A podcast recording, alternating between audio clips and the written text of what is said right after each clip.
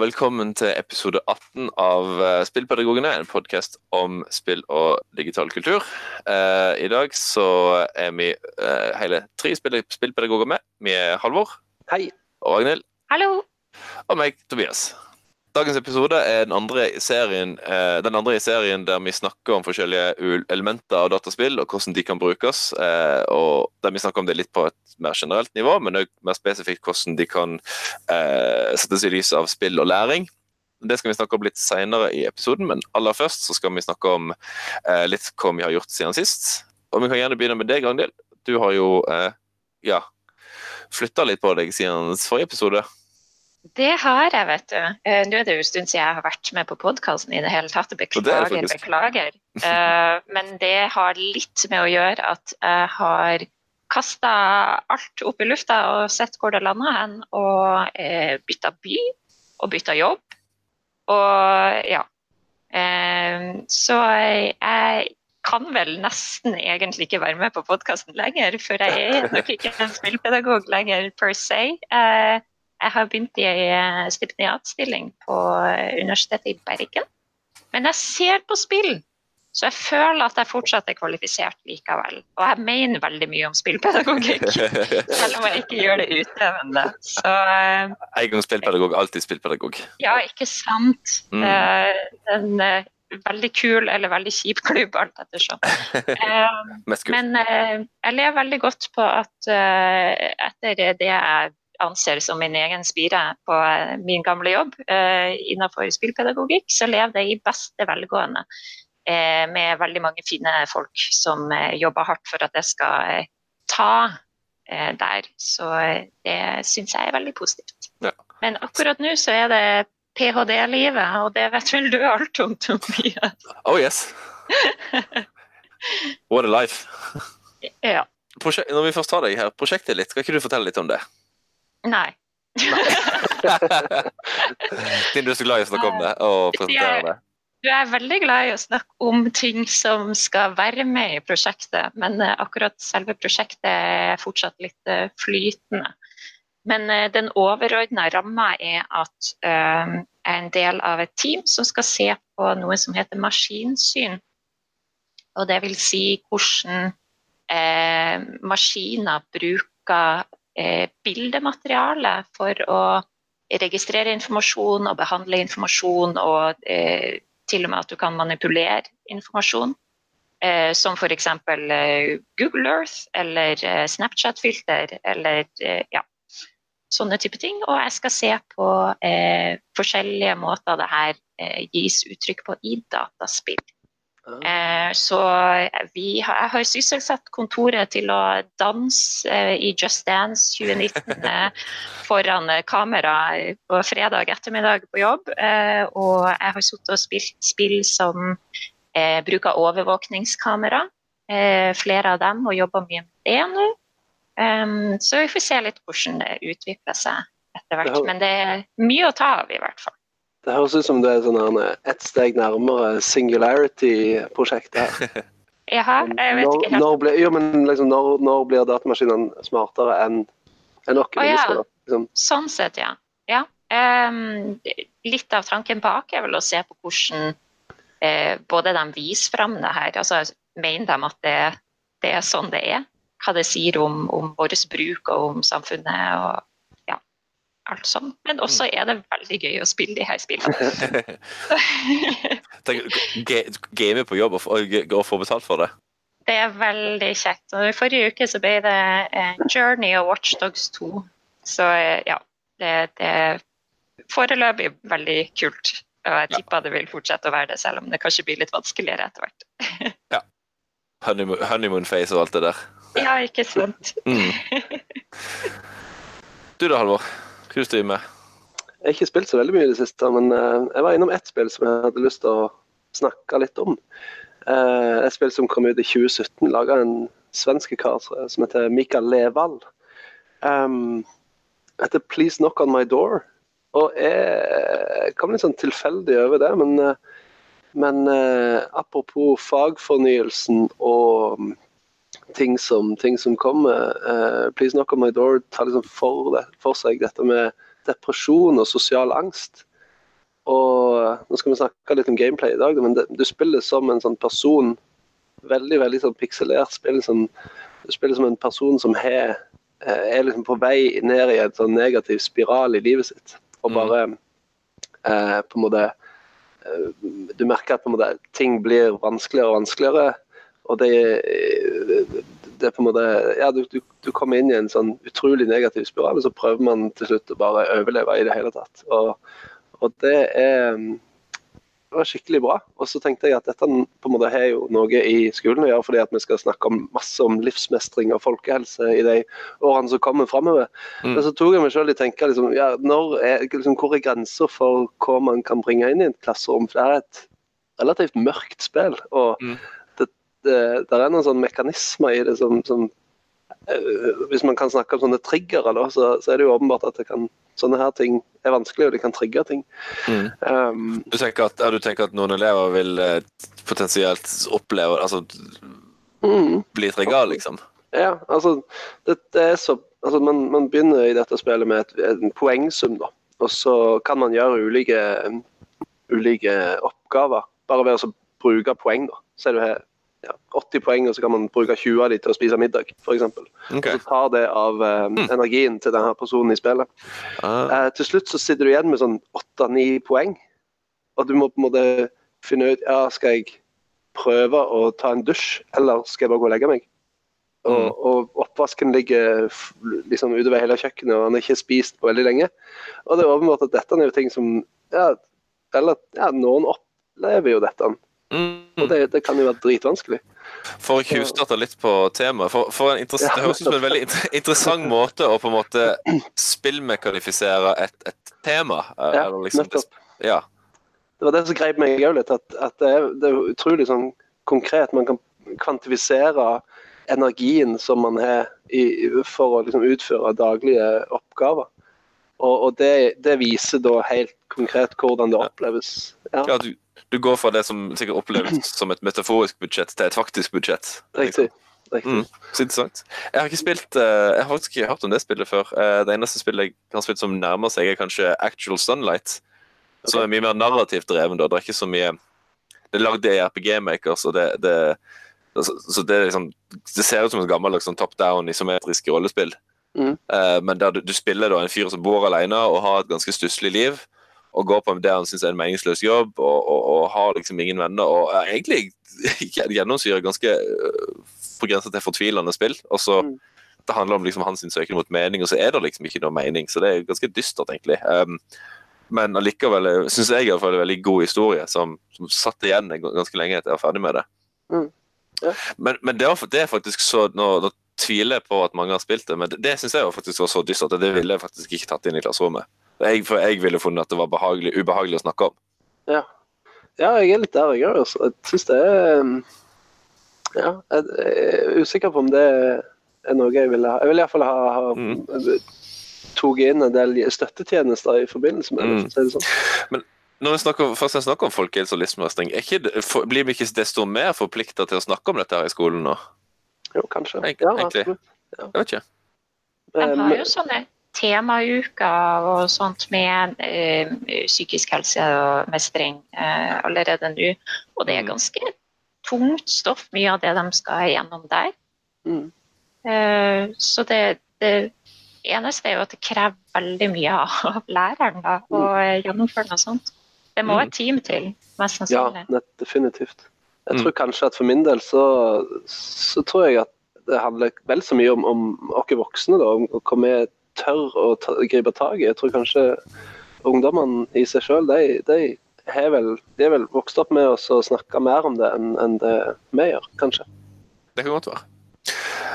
Du har jo et, eh, et annet opplegg å fortelle om, Alvor? Ja, jeg, jeg har så vidt kommet i gang med et opplegg med Milkmaid of the Milky Way, som vi har snakka litt om tidligere på podkasten, eh, i lag med en eh, tippklasse. Um, der, og da har vi prøvd å knytte det til, til folkediktning. Kjempegøy. Syns det er superstas. Anbefaler, jeg, bare, jeg har egentlig bare lyst til å bringe det fram for å si at jeg anbefaler å bruke Milkmaid of the Milky Way i skolen. Og det vet jeg at Alexander òg har, vært borti en del, så det um, kjør på, bruk det. Jeg har jo en, jeg har jo en andre VG2-klasse i norsk eh, i år. Jeg skal, jeg skal bruke den når vi kommer til nasjonalromantikken om ikke så altfor lenge. Ja. Det er planen min. Mm. Jeg gleder meg til. Og det og Skyrim, selvfølgelig. For jeg må jo alltid ha en unnskyldning for å spille Skyrim. Selvfølgelig. Så var det meg. Eh, jeg er jo litt i samme båt som eh, Ragnhild. I lever det søte ph.d.-liv. Stort sett. Jeg er jo fortsatt, jeg er jo 50, fortsatt 25 lærer, eh, og i hvert fall første halvåret så I fjor så var problemet mitt å, liksom, å, å budsjettere arbeidsuka sånn at jeg, eh, den 25 ikke ble til 50 eh, For ting tar jo liksom den tida man har disponibelt. Men i det siste så har jeg havna inn i sånn en rytme der jeg faktisk klarer å liksom seksjonere uka litt bedre. Men det, det, det jeg, hold, hold, jeg tror det holder litt på å klikke for meg, så you've been warned, eh, Ragnhild.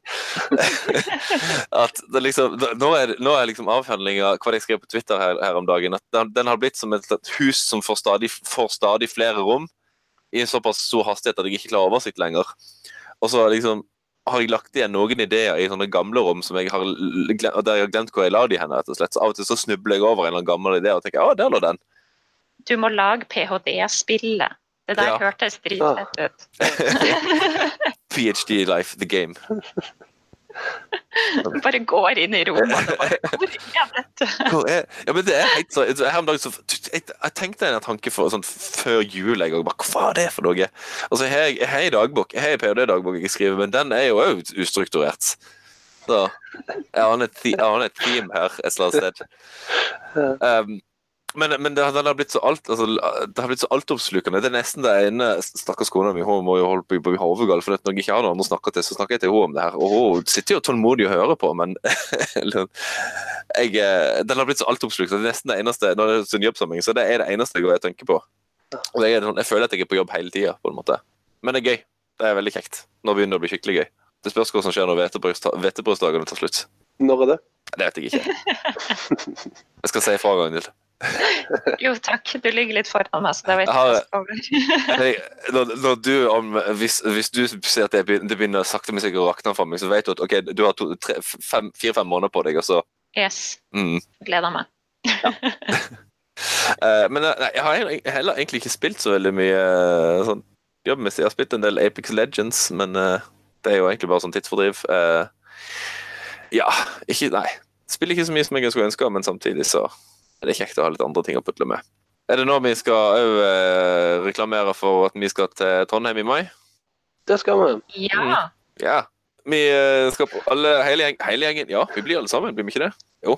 Jeg tror det. Tror jeg, jeg tror vet ikke om Alexander har bekrefta fra eller til, men uh, tanken er i at vi alle skal på Enkull. der vi skal spille inn en podkast live med publikum for første gang. Med ordstyrer og, og preik og hele pakka. Åh, Så det blir gøy. Jeg kjenner, det, det her det blir presset ganske heftig. Ja, sant? Nå, no, it's out there.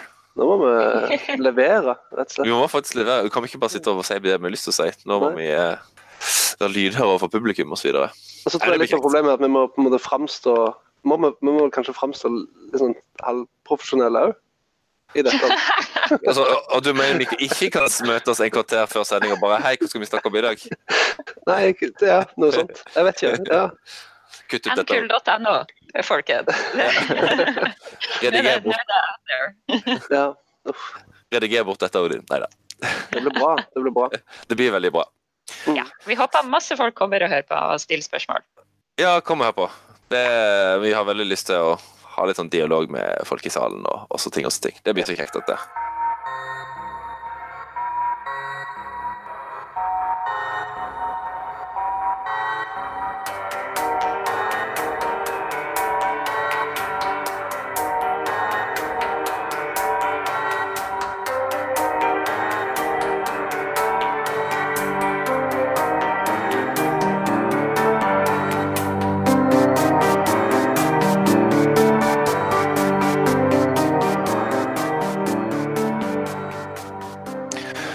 Så kan vi vel skippe videre til månedens tema, som er gameplay slash spillmekanikker. Da i både generelt, men òg eh, hva dette har å si for eh, når vi tar spillerne inn i klasserommet.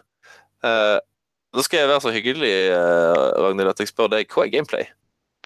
Ja, eh, det var veldig fint at du spør meg det rett etter at jeg spurte det før vi begynte å opptage. eh, for det var vel litt min eh, tanke. Jeg eh, syns det eh, er et veldig spennende tema, men eh, jeg er ikke helt sikker på hvordan vi skal liksom, definere det. Men det er jo lett å se det i motsetning til eh, det visuelle. Så det er liksom Eh, det er det du fysisk gjør med tastatur eller mus eller eh, hva det nå er. Og de mm. reglene som er programmert inn i spillet. Men det som kan skje i mange spill, er jo at det ikke har noe å si. Mm. Så du bare trykker på noe random, og så får du på en måte filmen mm. foran deg. Men det vi skal snakke om i dag, er vel spill der det er en vesentlig del av liksom, mm. fortellinga. Mm. Ja. Eh, jeg har et eksempel som jeg kom på mens jeg tenkte veldig hardt nå, som jeg faktisk har spilt nylig. Så hvis jeg får lov til å starte, selv om Halvor egentlig har starta, eh, mhm. Det er et spill som heter 'Nothing to Hide', eh, og det er bare en demo. Eh, det ble vel kansellert hele spillet, men du kan på en måte spille hele spillet likevel. Det er nettbasert og gratis, så og ganske raskt å kjøre gjennom. Mm. Eh, og i troen av at jeg har spilt overvåkningsspill og sånt, så handla det om overvåkningssamfunnet. Eh, der du eh, styrer ei jente som jeg tror det er faren hennes, som skal bli eh, Eller prøver å bli folkevalgt i et system der det er ingen folk som velger, for de er alltid rigga. Og så, hvis hun ikke er synlig for kamera, så har hun noe å skjule, ergo er hun en forbryter. Det er sånn herlig sånn satire med liksom overvåkningssamfunnet underveis med beskjeder og alt mulig sånn. Men spillmekanisk, som er interessant for oss, så må hun ta med seg kameraene og sørge for at hun hele tida blir sett av et kamera. Eh, ah. fordi at Hvis hun glemmer å ta med seg et kamera og går utafor, så på en måte dør hun, skulle si, for da blir hun tatt av det hemmelige politiet. eller noe sånt.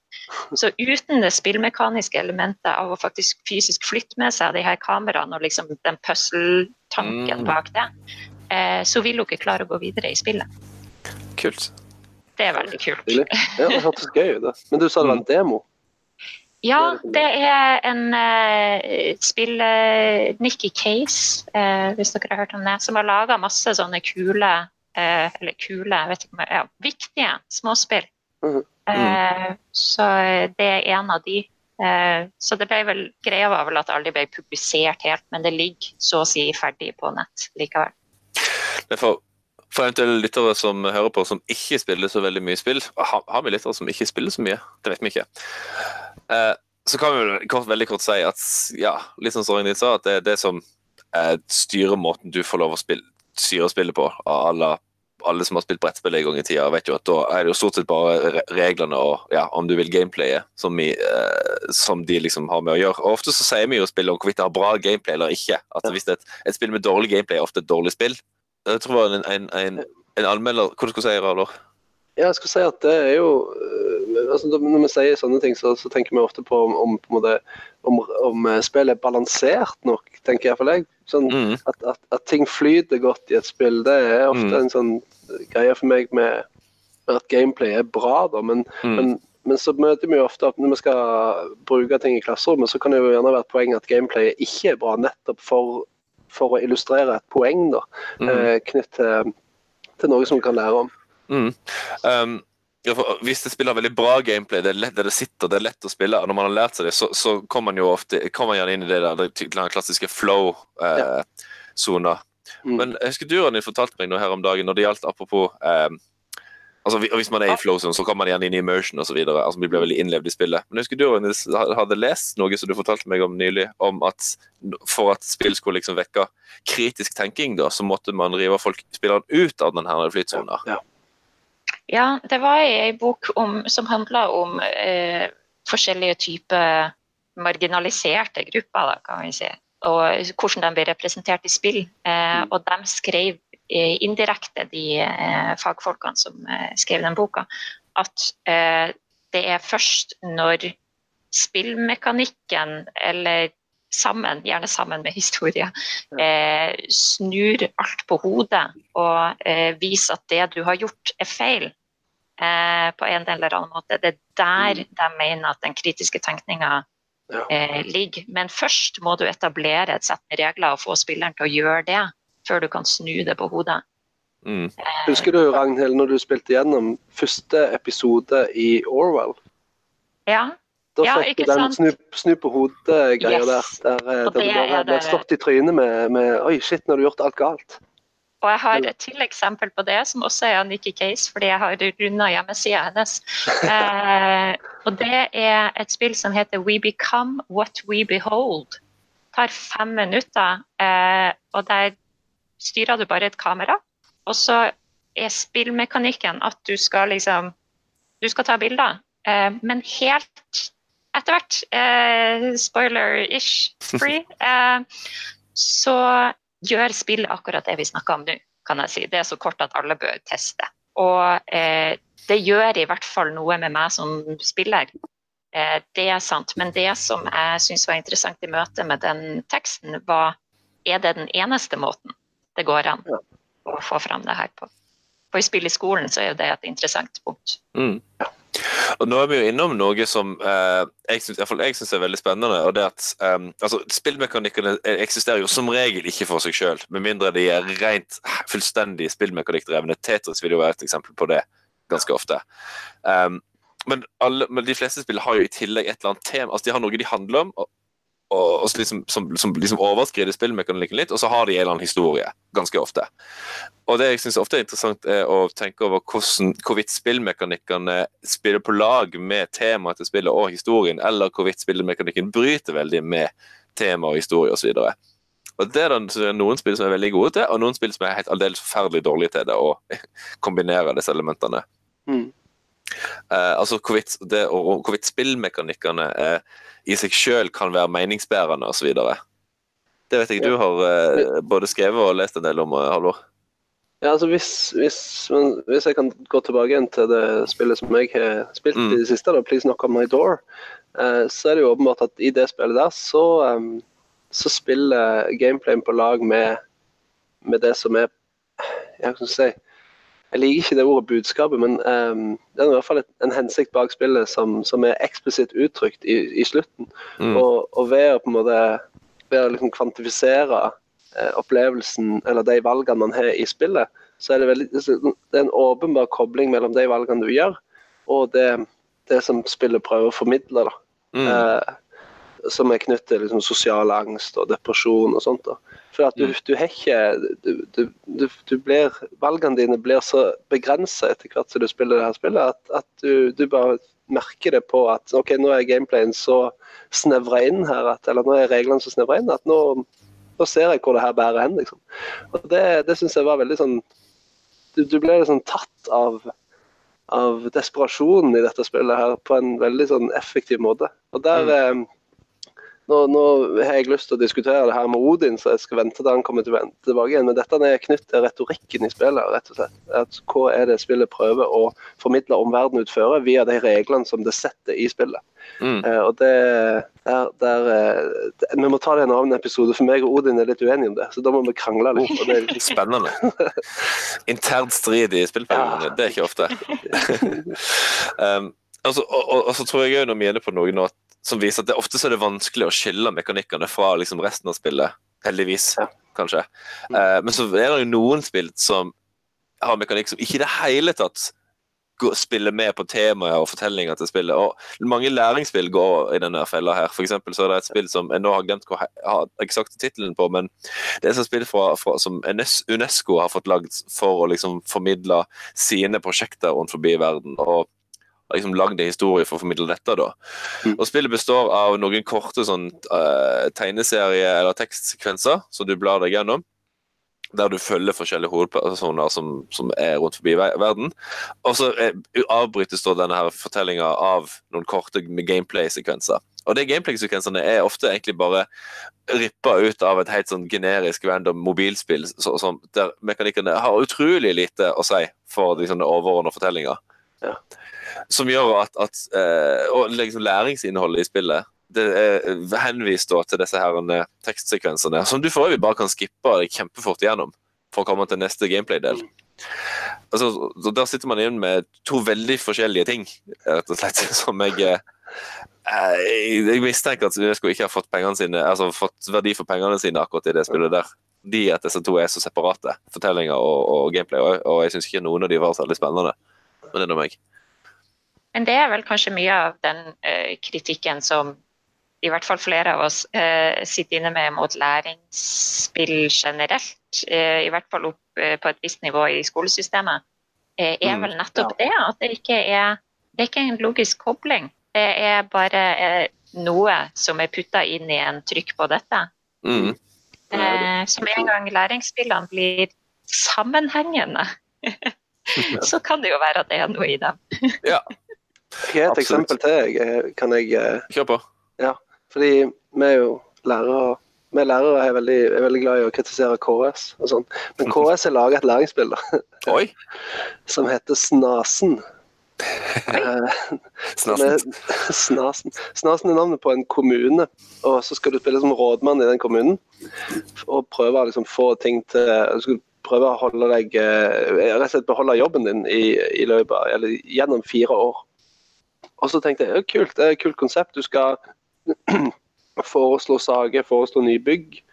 Eh, få ting gjennomført via kommunestyret ved å dra på ulike eh, bruke støtten i lokalsamfunnet og sørge for at pengene er på plass. og sånn. Alle de tingene funker veldig bra. da. Eh, Men så, en liksom, så oppdager jeg at ved å på en måte bare ved å gjøre det som innbyggeren ber om i noen sånne leserinnlegg som kommer hver uke, så klarer du det gjennom spillet på en helt fin måte. Og så, som råd, og så tenkte jeg som rådmann, da, å bare styre etter det som skjer i leserbrevene, Hmm. det er jæklig dårlig spillmekanikk. Det er, sånn, det, er sånn, det er det eneste. Men for å forholde seg eh, relativt populær, og da man får gjort nokså mye, og så klarer man seg gjennom denne perioden på en grei måte. Så det spillet der trenger en liten sånn, det trenger å balanseres litt på et vis. Men Mm. uh, utgangspunktet er veldig kult, men uh, ja. Det er noe der. En veldig fin moral, da. Bare gjør sånn som majoriteten det går. Det er ikke majoriteten, det er bare de som, de som gidder å skrive leseranlegg, de får viljen sin. Å ja! De som roper høyest. Ja. Mm. Moralen er skriv leserbrev, så, så går det bra. Ja, det Blir du hørt. blir. Um, og, det, og, og, og det er jo her litt en del utfordringer ligger når vi skal ta spillerne inn i skolen, fordi at Jeg har noen eksempler der. Og det, var de, det var den andre gangen jeg skulle bruke Civilization 4 i klasserommet. For de som, det er ikke sikkert det er så mange som har spilt Civilization. Vi snakker for så vidt mye om det og, ofte, men det altså, det, for de som ikke vet hva det er, så, så er det altså et spill der du skal ta en sivilisasjon fra jordbruksrevolusjonen og fram til moderne tid. Og der det er turbasert, der du grunnlegger byer, utforsker ny teknologi, fører krig, diplomati, handel osv. Og, Eh, og et av de mer liksom, spillmekanisk komplekse spillene, da, altså veldig mange lag og forskjellige regler og variabler og styrestell du er nødt til å holde styr på. Altså, mest komplekse sånn der, eh, kommersielle underholdningsspill, vil jeg påstå. Det er ikke så veldig mange spill som er mer komplekse før du går over i disse her grand strategy-spillene til Paradox, f.eks. Og sånn. Så skal jeg prøve det her i, skolen, da. Første gangen så gikk det greit. For da, jeg, da brukte jeg nemlig tre kvarter tror jeg, bare på å lære elevene mekanikkene. Lære dem hvordan de faktisk spilte spillet. Um, og det var, det, var på, det var på en historietime på, på VG3 påbygg, og da har vi jo fem timer, historietimer i uka, så da hadde jeg liksom litt sånn luksus. da, Jeg hadde litt god tid. Så tenkte jeg å prøve det samme da i eh, VG2, der, eh, eldre historie, der vi hadde to timer. Det funka ikke i det hele tatt. Fordi at da skippa jeg litt for mye av den biten, bare lære de å spille spillet. Jeg hadde sånn superkort innføring på, innføring på smartboarden i klasserommet, men det var det. Og så var det denne timen og, eh, Jo, det tror jeg fortalte om sist gang. Det var den jeg fortalte om når vi fortalte om liksom, ja, fe feilgrep fra klasserommet. Det var da avdelingslederen min for første gang skulle se på spill i skolen, og der bare det hagla rundt med frustrerte elever som ikke fikk til spillet, rett og slett. Og, og, og, grunnen til at dette var mislykka, var jo rett og slett at, at spillmekanikken kommer rett og slett helt i veien for læringa. Og det det òg kan føre til, er at merker jeg nå etter hvert i datainnsamlinga mi, at av og til så er det kanskje spesielt elever som gamer mye, som blir veldig hengt opp i reglene. Og ser på spill som ei, ei, utfor, ei spillmekanisk utfordring som de skal vinne over. Mm. I stedet for å gå med på at spillet er en slags en slags lek. altså det er noe, vi, vi, Nå gjør vi dette på liksom. altså Vi later som dette var ekte. Så jeg ser et slags spenn mellom, mellom konkurranse og ja, om vi skal kalle det rollespill, eller hva det er for noe. altså Se på reglene og mekanikkene som et uttrykk for noe annet enn bare rene altså variabler og tall og konkurranse og sånne ting. Så det er jo noe som, som jeg tenker alle, alle vårdene, både nåværende og vordende spillpedagoger eh, må være obs på. For de gangene jeg har kimsa med, altså tatt for lett på dette her, så har jeg gått på en liten smell, rett og slett. Ja. Og at forutsetningene for hva som er eh, lett og vanskelig gameplay, er totalt individuelt. Ikke minst. Det tror jeg òg vi, kan, vi kan ta for lett på. Ja, i, i, hvert fall. Det er vanskelig når man har Sånn som eh, vi spillpedagogene, vi har jo spilt en del. Mm. Så vi har på en måte den, den måten å tenke på. Eh, men eh, det å huske å liksom ta seg tida til å eh, ta det helt ned mm. Mm. Eh, det, det, gjør vi jo med andre ting i skolen. Mm. Eh, men jeg ser i Civilization-sammenhengen at det kanskje tar litt tid. ja, det gjør det. Men det må eh, ta, tid. Det må ta tid. Og det er mm. veldig viktig å ta seg tid. Jeg var på en konferanse en gang der innlederen brukte to timer på å etablere og forklare hva konferansen skulle handle om. En av de beste jeg har vært på. Det er fantastisk. Det er kjempelurt. Få alle med på hva er det som er premissene her, hva er det som er reglene, hva er det som er rammene. Og så, mm. så går ting Og så leker man. Og så leker man. um, Nei, og, og det, det, tror jeg er veldig viktig på det, poeng du sier der, Ragnhild. fordi at um, det er så lett å anta at, at, folk kan det du kan. Og det er så lett å anta at det man selv kan, er lett å lære seg. Og hva er det jeg skal si? Jo, det, men, men, men hvis man er bevisst, bevisst på liksom, at når noen elever har mer spillekompetanse enn andre, så ser jeg ofte at de, noen elever tar ting veldig mye fortere. Um, jeg, spilte, jeg fikk noen elever til å spille Company of Heroes, som er et uh, realtime strategispill etter andre verdenskrig. Um, og de hadde, de hadde, jo aldri spilt det før, for dette er et forholdsvis gammelt spill. Det kom i 2008. Men de lærte det seg med en gang, nesten. De tror de brukte et kvarter, og så hadde de liksom iallfall the basics. Eller kunne, kunne de nok til å ha en multiplierkamp mot fire mot fire. Ja. Eh, og da, andre, da, vi begynte andre kampen, så, had, så satt det hos alle sammen. Og det var ganske kult å se hvor fort de lærte det. Fordi at de hadde en del ting å, å spille på. De hadde spilt lignende spill på et eller annet tidspunkt. Kanskje vi kan få til å eh, gjøre det eh, det samme, altså den, den, måten å på en måte lese mekanikken på, eh, også med de eh, spillene som vi snakka om tidligere, som, som trener deg opp og så bryter med det. Mm. Mm. sånn at eh, elevene eh, leser spillene på en mer kritisk måte. Mm. Det ser jeg at faktisk både noen elever og lærere, mest lærere faktisk, har gjort med The Walking Dead. nå når jeg, For det er det første, dat, første datasettet mitt er fra kollegene mine som bruker The Walking Dead. Og jeg ser at noen av de um, rett og slett leser spillet kritisk. Altså de, de, de leser spillet kritisk for de liksom normative, etiske uh, føringene som ligger i i designet, altså i, rett og slett i gameplay-mekanikkene. Altså hvilke valg, valg spillet lar deg og ikke lar deg ta. Mm. For eksempel, det lar deg ikke, det lar deg ikke skade barn, for eksempel. Eh, og en del andre sånne ting. Kjempespennende altså hva, hva du ikke kan gjøre. Mm. Spillmekanikken er jo egentlig like spennende som hva du kan. Mm. Og, og, og så er det ekstra kult når ikke, mine ikke-gamerne kollegaer ser den. altså De ser at oi, vent litt, spilldesigner har jo en helt bevisst plan. altså De har tenkt nøye gjennom hva du kan og ikke kan gjøre. Mm. Og så diskuterer de det med elevene. Hva slags normer etiske føringer er det som ligger her i, i, liksom, i handlingsrommet til spillet. Og Det, det ser jeg som en liten level up for uh, de som tok det. Det, det, det syns jeg er ganske tøft. at, at ikke-gamere tar den. Altså, for den er, den, er ikke, den er, ikke, alltid åpenbar nødvendigvis. Nei, det, det å klare å sette ord på, på en sånn eh, en sånn ting knyttet til gameplay, det, det har jo ombar overføringsverdi til andre deler av skolen òg, da.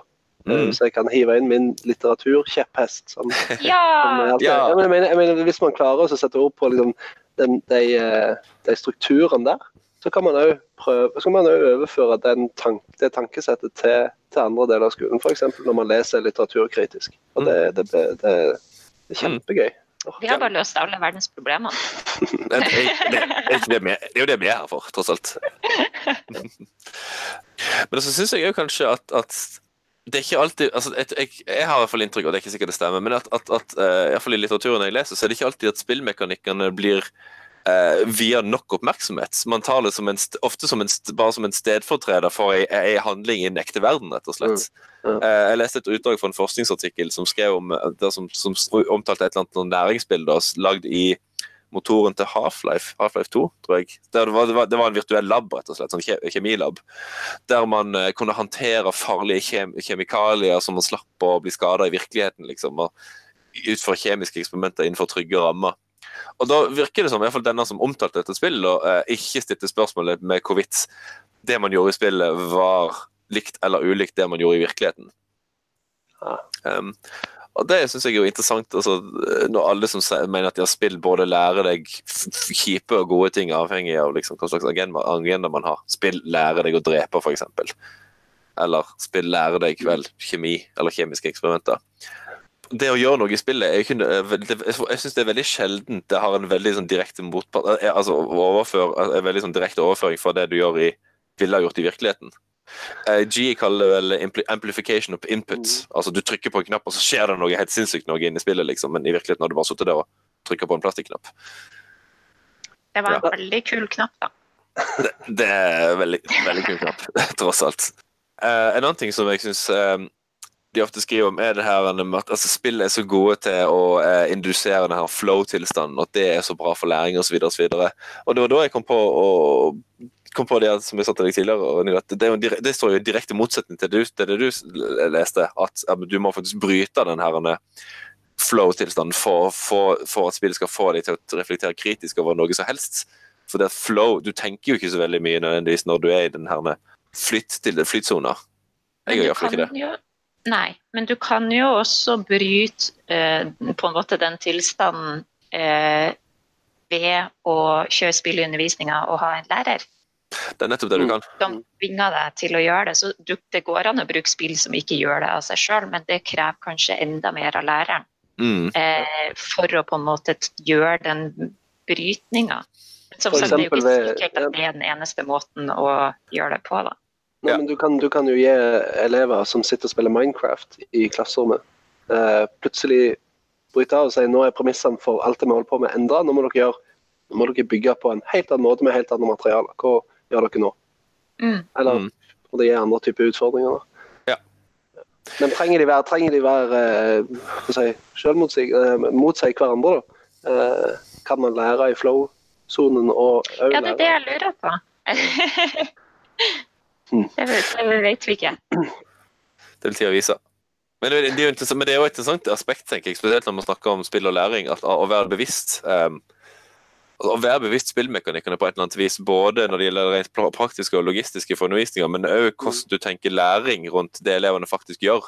Mm. Um, for i, i, Hvis man tar det litt sånn for god fisk, da, så kan jo eh, gameplayet bare bli en dårlig proxy for læring, rett og slett. Og Det må man være litt obs på, tenker jeg.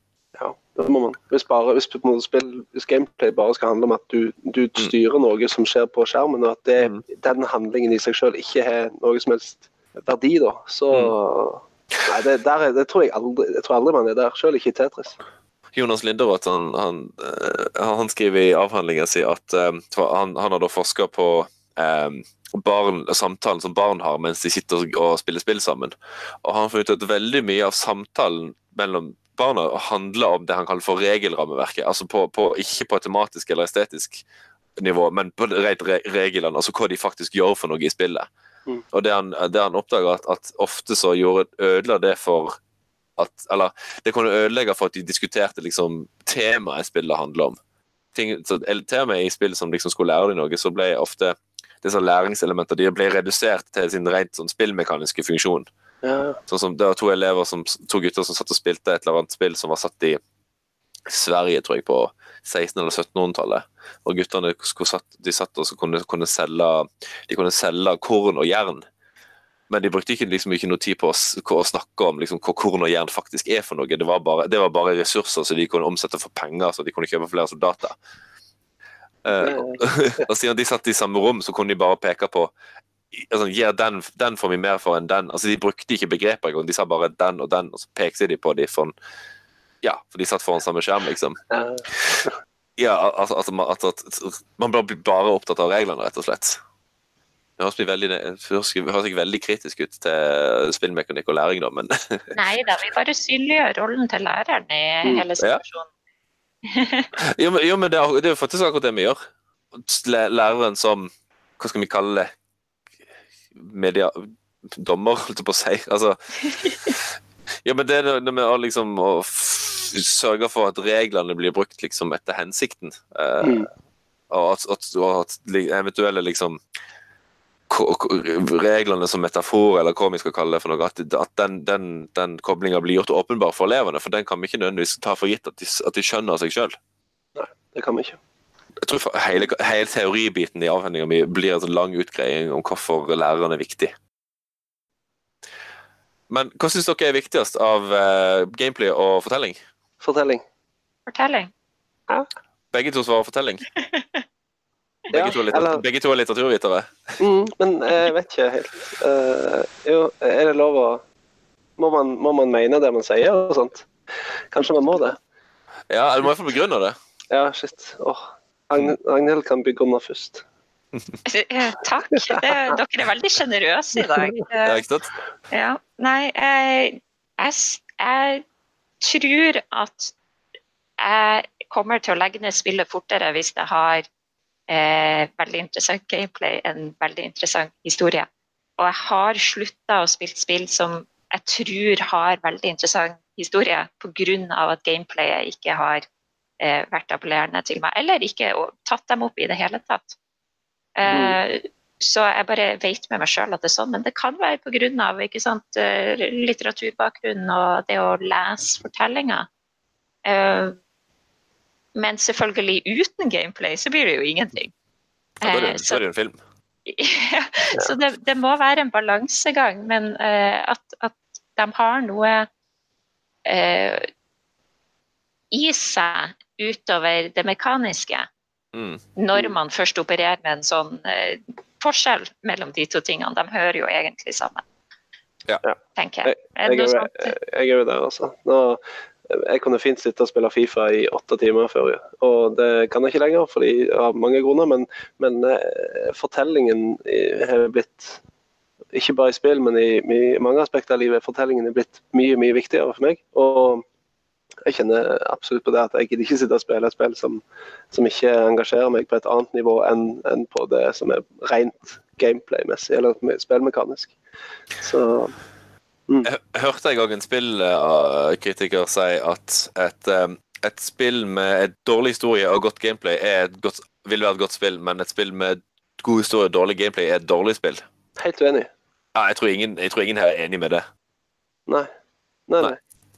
Men det er vel en av de som prøver å definere spill som gameplay, Nettopp. og Og det ikke de som ser på det som en, en samtale, i hvert fall. Eller Mm. samarbeid. Ja, nettopp. For min del, altså jeg, min, Mine kjæreste spillminner er jo f.eks. Mass Effect-trilogien, som jeg nå tenker kanskje mitt favorittspill gjennom tidene. Uh, og det er pga. historien. Men jeg tror jeg, er dere klar for et litt sånn hipstersvar? Ja. Ja. Jeg tror jeg er mest glad i spill som har gameplay som skaper en narrativ. Juks, Ah, det var jo det vi mente. Og da mener jeg eh, Rimworld, for eksempel, hvis noen har spilt det. Nei, hva er det for noe? Eh, Rimworld er en fantastisk sånn anekdotegenerator der du spiller noen stakkars eh, kolonister som krasjlander på en planet, og som bare må klare seg. Altså dyrke mat, jakte på dyr, forske på teknologi. Eh, skape seg et lite samfunn. Men disse folkene har litt sånn Sims. altså de har sin, Du kan gi de du kan ikke gi de direkte ordre, men du kan lage sånne jobblister til dem og gi dem prioriteringer. Sånn som du skal jakte, du skal lage mat, du skal snekre osv. Men utover det så gjør de litt det de har lyst til. Så eh, jeg hadde fire kolonister da, der eh, to stykk var forlova og hadde bestemt seg for å gifte seg. Og det var bare to andre kolonister, de var fire stykk. Så, eh, så hadde de jo bryllupet inne i, liksom, i messa, der de pleide å sitte og spise. Og disse to andre kolonistene, de som ikke skulle gifte seg, de var ikke så glad i hverandre. Så midt under vielsen så begynner disse to å slåss. Og, og, og det havner blod på vegger og gulv og alt mulig midt mellom disse to. Jeg, jeg har liksom en kjærlig omfavnelse og jeg er midt i uh, kjærlighetssona, så er det disse to andre som driver og gir hverandre skamgulling på gulvet. Eh, og det er liksom You couldn't make this stuff up. Så, eh, fordi, ja, fordi at det skaper sånne Det er veldig sånn bra watercooler-spill. Eh, fordi at jeg har En annen kompis som meg som er fullstendig hekta på det, som har i hvert fall en periode han spilte det mye, hadde masse kule fortellinger og, og, og formidla som, som jeg rett og slett ikke hadde opplevd. fordi at det er så mange variabler som spiller sammen for å lage disse syke smagningtunktene. Så spillmekanikk og eh, fortelling i skjønn forening. Nettopp. Yes. Eh, ja, men, eh, men eh, det, det, det ikke-juksesvaret mitt er nok Da er nok der dere Altså, jeg, jeg, jeg vil veldig gjerne bli fortalt en veldig god fortelling, og så er jeg med på en annen måte når jeg spiller, enn hvis jeg f.eks. ser på TV-serie eller film eller whatever. Um, og så syns jeg jo kanskje noen spill eh, hvordan, et bonusspørsmål. Hvilket spill er det som har, forklar, har vært best til å fortelle fortelling på en måte som bare dataspill kan? Oh. Nei, det går ikke an å ta på stående fot. Det, det får bli, det får bli, Ja, det- episode, det får bli Ja. jo til episoden om uh, narrativ. Oi, men det var en god lekse, da. Det var en veldig god lekse. Men jeg klarer heller ikke å svare på det nå. Og så kan vi skrive det på Facebook, og så kan folk skrive sine. Ja! Yes. Engasjere folk. Interaction. Yes. Ta imot leser, eh, lesermeldinger, holdt jeg på å si. Det er smart. Vi gjør det.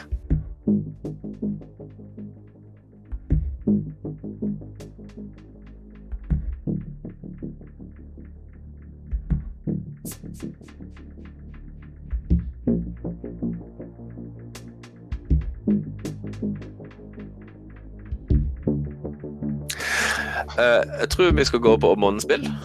Vi har da valgt å ta noen steg tilbake når det gjelder månedsspill, eh, for å finne et som har litt med temaet å gjøre. Vi har da valgt Plague Inc., Plague Incorporated, som uh, månespill. Det er et spill som jeg tror det er tilgjengelig på de aller fleste plattformer. Det er iallfall tilgjengelig på mobil og eh, tablet og PC. Der, eh, Plague Inc., det er, der styrer man da et patogen. Jeg tror vi har nevnt, Jeg er ganske sikker på vi har nevnt det i podkasten før, men jeg, jeg syns det er såpass kult at det fortjener litt grann, eh, ekstra oppmerksomhet. Man styrer en sykdom av noe slag, og spillet er såpass brutalt at eh, man eh, skal utrydde hele verden, basically. Og for å gjøre det, så må man eh, la, altså, la patogenet sitte og utvikle nye måter å overføre smitte på. Man utvikler for, forskjellige symptomer, som da enten sprer mer smitte, eller som kan, i verste fall er dødelige. Eh, og så må man da ha klart å utrydde hele verden før det oppstår en kur, rett og slett.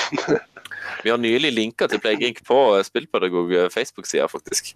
Eh, og det spillet er ekstra aktuelt nå, for at nå etter massiv, eller ikke massiv, men etter stor uh, popular demand, så har de da introdusert anti-vaxxers som et element i spillet, som gjør, som gjør land mer sårbare for å bli uh, smitta.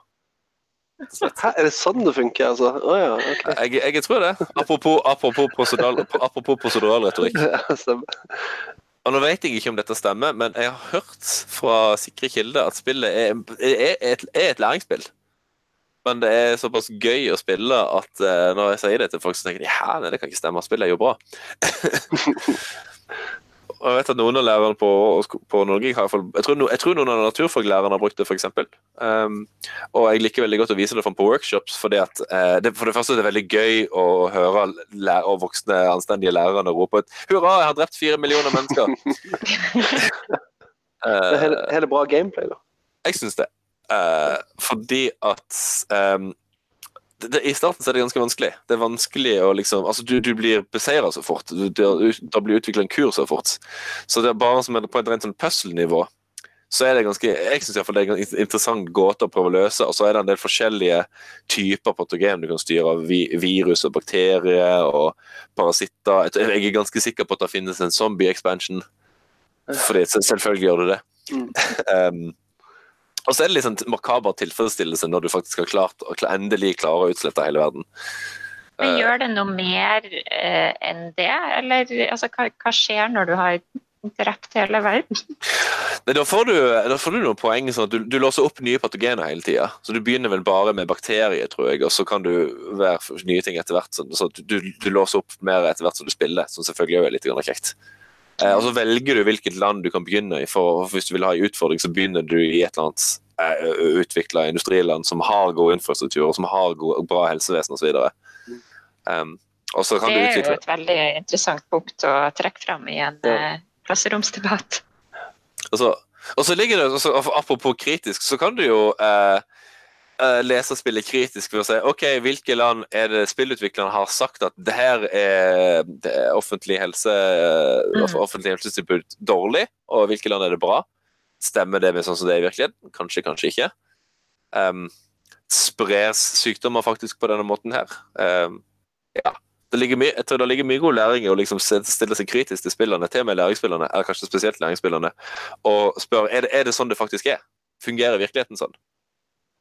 Så jeg, jeg syns personlig i hvert fall at, eh, det, det er ganske, at de har klart koblinga mellom mekanikk og tema på en ganske god måte. Det høres sånn ut. Jeg har faktisk ikke spilt det. Jeg har bare hørt om det. Jeg tror det du får, jeg tror det er en gratisversjon. Jeg er ikke helt sikker. Det er, på mobil så er det i hvert fall ikke- Jo, jeg tror faktisk det er gratis på mobil. Jeg er ikke helt sikker, men jeg tror det. Jeg skal iallfall ta linker til det, sånn at de som Mm. Folk kan, kan laste det ned. Og det er klart, Jeg vet ikke hvor stor andel av, eh, av lytterne til podkasten som er antivaksere, men um, det er mulig vi, vi har gjort en skikkelig tabbe nå ved å ha Ah. hatt den som. Har vi skrevet de, iallfall? Kanskje vi mister sånn 30 av lytterne. Ja. Forskning viser at uh, vaks vaksinemotstandere uh, pleide å like spillpedagogene. Vi får bare starte i Norge, da, vet du, i Plague. Mm. Nei, huff. Jepp. Eh, så er du, eh, hvis du har en makaber liten streak og har eh, lurt på hvordan det føles å utslette hele verden, så sjekk ut Plague. Hvis du er naturfaglærer, så bør du òg sjekke det ut, fordi at ja, det, om ikke annet så er det en interessant start, start på et undervisningsopplegg om sykdom og, og smittespredning. Nå hørte jeg en likhet, eh, likhetstegn der mellom de som er makabere og har lyst til å slette verden, og naturfagsnerdene. Så nå mista vi 20 av lytterne. Der. Nå må, vi, nå må vi stoppe før vi mister resten. De to som er igjen. Nei da. Ja. Link til spillerne vi har nevnt, de finner dere i, eh, på, i eh, beskrivelsen på episoden. Er det noe vi skal legge til før vi gir dere? Spill spill. Spill, spill. Eh, Spill, Ja. Det kan vi avslutte med.